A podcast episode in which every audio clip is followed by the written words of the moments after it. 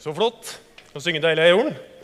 Vet dere, Nå skal jeg eh, fortelle dere en historie. Og den går ganske kjapt, så da må dere følge med. Og historien er sånn For 2000 år før Jesus ble født, altså for 4000 år siden, det er lenge siden, da talte Gud til en mann som het Abraham, og ga han et stort løfte. Og det løftet det var så stort at det var nesten vanskelig å tro at det skulle være sant. Og hvis vi ikke hadde kjent hele historien, så ville i hvert fall vi trodd at det var for godt til å være sant. Men selv om det var et stort løfte, så valgte Abraham å tro på det.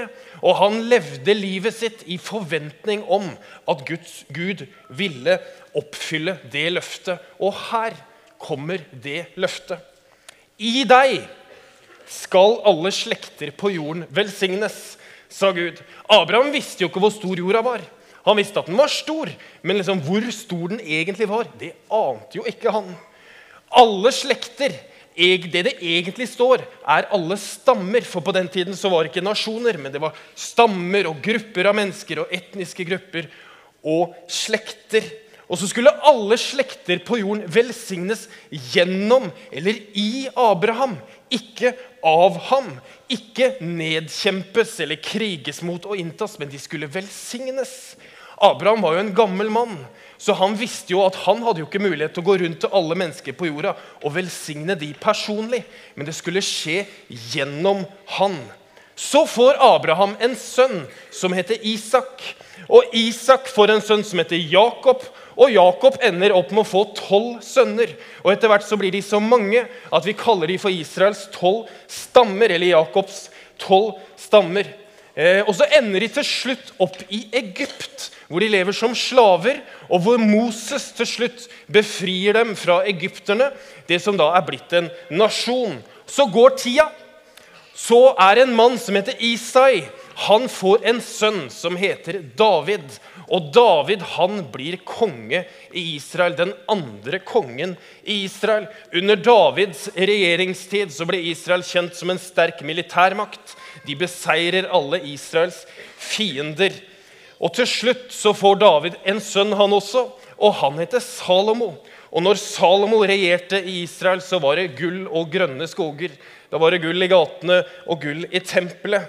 Og det var fred og velstand. Og, og Salomo han var så rik at kaptein Sabeltanns skattkiste ser bare ut som en eske, egentlig. I tillegg til at Salomo var verdens rikeste mann, så var han også utrolig vis og klok. Og det sies at Salomo var den viseste personen som noensinne har levd. Salomo han lever, han regjerer i Israel, og så dør han. Og verden blir ikke velsigna, sånn som Gud har lova Abraham. Tvert imot så blir Israels innflytelse den blir mindre og mindre. Og Guds løfte til Abraham det føles fjernere og fjernere. Og til slutt så kan man tenke var dette bare et eventyr med en dårlig slutt. Men så er det noen profeter, noen som har et øre til Gud, og som kan tale hva Gud sier, som dukker opp innimellom. Og de sier at løftet holder fortsatt. Gud skal velsigne verden gjennom Israel. Han har ikke gitt opp. Ha forventning til at Gud vil oppfylle sitt løfte. Så er det en profet som heter Jesaja, som sier, 'Jeg vil gjøre deg til et lys for folkeslag, så min frelse kan nå til jordens ender.' Altså ikke bare for det jødiske folket eller for, det, for Israel, men for hele verdens folk. Folk som hørte dette, tenker jeg tenkte sånn Hvordan i all verden kan dette skje, da? Det er jo ingen som lytter til oss lenger. Vi er jo ikke relevante. Vi har jo ikke noe påvirkningskraft. Hvordan i all verden skal noen bli velsigna gjennom oss? Og til slutt, i den siste boka i Det gamle testamentet, som heter profeten Malaki, så taler Gud igjen til folket, hvor han sier fra der sol går opp, til der sol går ned, er mitt navn stort blant folkeslagene. Når han har sagt det, så blir det 400 år hvor det er helt stille. Det er ikke en lyd. Det er helt dødt.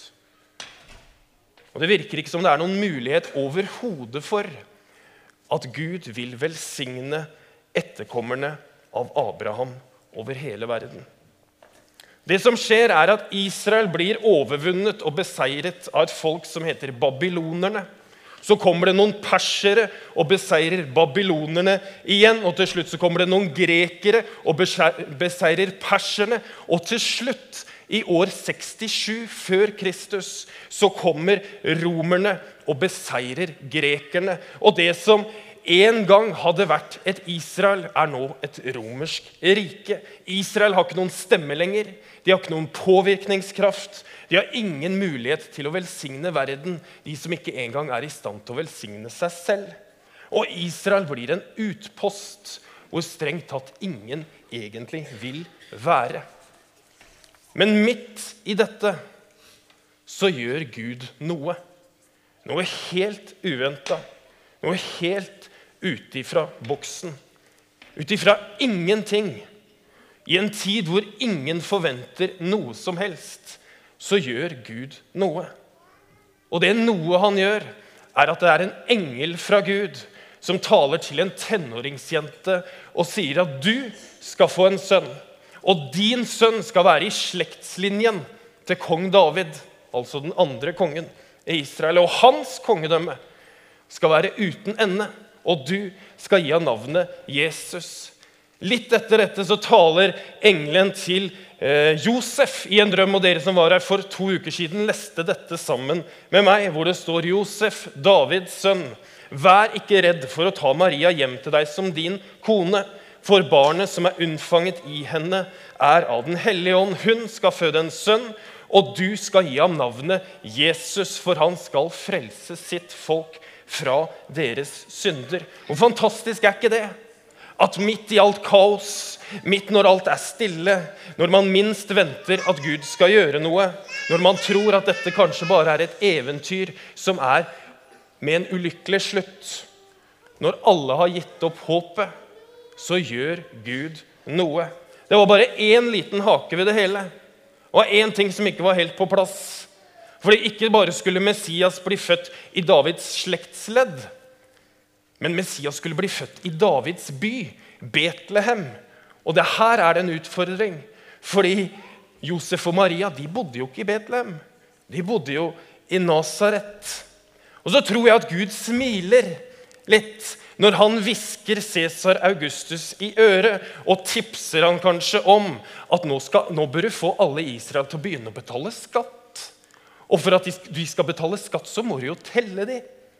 Og Cæsar Augustus, som er verdens mektigste mann på den tiden, blir en sånn liten fotnote eller en kommentar i den store historien om Jesus Kristus når han innkaller alle i Israel til å registrere seg i byen hvor de ble født. Og gjennom at han gjør det, så blir løftet som Gud har gitt til Abraham, det går i oppfyllelse.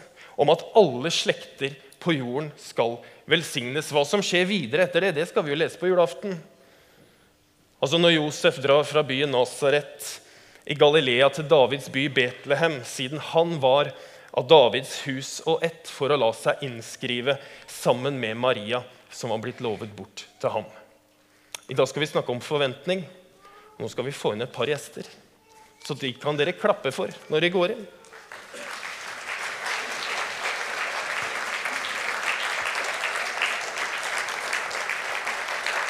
Det er flott, altså. Det er eh, Bendik Nygård Torvund, og det er eh, Matilda Ascher Hylland som er mine stjerneskudd. Og vi dere, vi skal snakke om forventning og hva man gleder seg til. For nå er det jo bare mange dager er det til jul nå. Tre? Oi, Matilda. Hva gleder du deg til? Eh, jeg gleder meg til å åpne opp presangene på jul. Det det gjør jeg òg. Er det sånn at uh, du vet hvor de ligger i huset? Under juletreet. Ja, men akkurat nå? Vet du hvor de er akkurat nå? Jeg tror mamma og pappa er hjemme til. Ja. Har du prøvd å leite? Eh, nei. Nei, du har ikke det. Nei, ikke gjør det. Neida. du, Bendik. Jeg kan holde for deg. Hva gleder du deg til? Mm, jeg gleder meg aller mest til at uh, Gud skulle mm, bli født. Og, mm, Og at eh, vi skal eh, gå rundt juletreet og åpne opp gaver. Så bra. Ah, Kan du rangere de? Hva er, liksom, hva er det du gleder deg absolutt mest til? Er det at Jesus ble født, eller er det noe annet? Eh, det jeg gleder meg mest til, er at Gud blir født, og at vi kan hylle ham og prise ham som han er. Og at alle sammen eh, er veldig eh, på trofaste Gud. Veldig bra. Takk skal dere ha. Da kan dere gå ned igjen. Tusen takk. Veldig bra. Vi har altså om forventning om at du kan komme med forventning. Tenk på hva slags forventning Maria og Josef hadde når de reiste på beina sammen med et esel til Betlehem. Maria var jo sprenggravid og hadde fått løfte fra en engel. Og hun og Josef de visste jo og kjente jo godt til det løftet som Gud hadde gitt Abraham. Men om de på en måte forsto dybden i det som skulle skje, det er jeg litt usikker på. Fordi gjennom 2000 års løfter med ulik forventning og tro fra Israels folk, så skjer nå det mest markante skiftet i menneskers historie.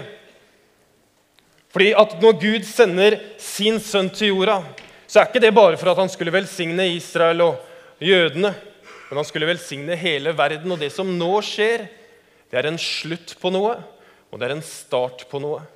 Det er en slutt på en ventetid, og så er det starten på en velsignelsestid for hele verden.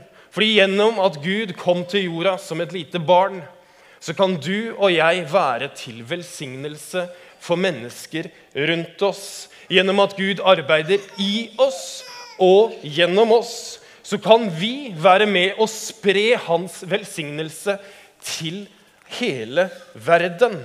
Derfor kan jo du leve med forventning om at du er til velsignelse for familien din, for naboene dine, for på jobben din og på skolen din og der du er, og kanskje også for byen og landet vårt. For det vi vet, er at Gud holder sine løfter.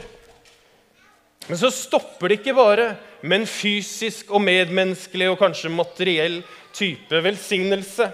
Denne velsignelsen den innebærer også at vi kan se hvor vi er i relasjon med Gud. At vi kan få tilgivelse for de ting vi gjør galt, som vi kaller for synd.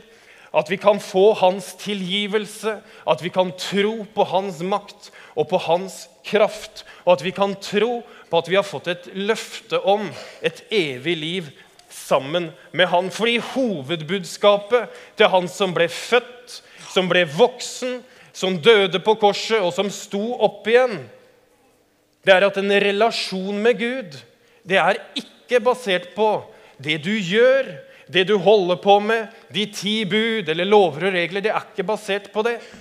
Men en relasjon med Gud er basert på tro. Fordi når Gud lovte Abraham at hele verden skulle bli velsignet gjennom han, så var det et løfte som Gud holdt. Og alle vi som er her i dag, er på en eller annen måte et resultat av den velsignelsen. Fordi Guds løfte til Abraham det er blitt din velsignelse gjennom deg, i deg og basert på tro. Så lev med forventning om at Gud kan velsigne deg og andre gjennom deg, basert på din tro på Jesus Kristus som verdens frelser. Amen. Nå skal vi være vitne til noe flott. For nå skal vi høre en sang. Og den sangen er en eh, utgave av Marias lovsang. En lovsang som Maria synger, som vi kan lese om i Lukas 1, Lukas første kapittel, når Maria har møtt eh, Elisabeth. Og den sangen skal vi høre nå.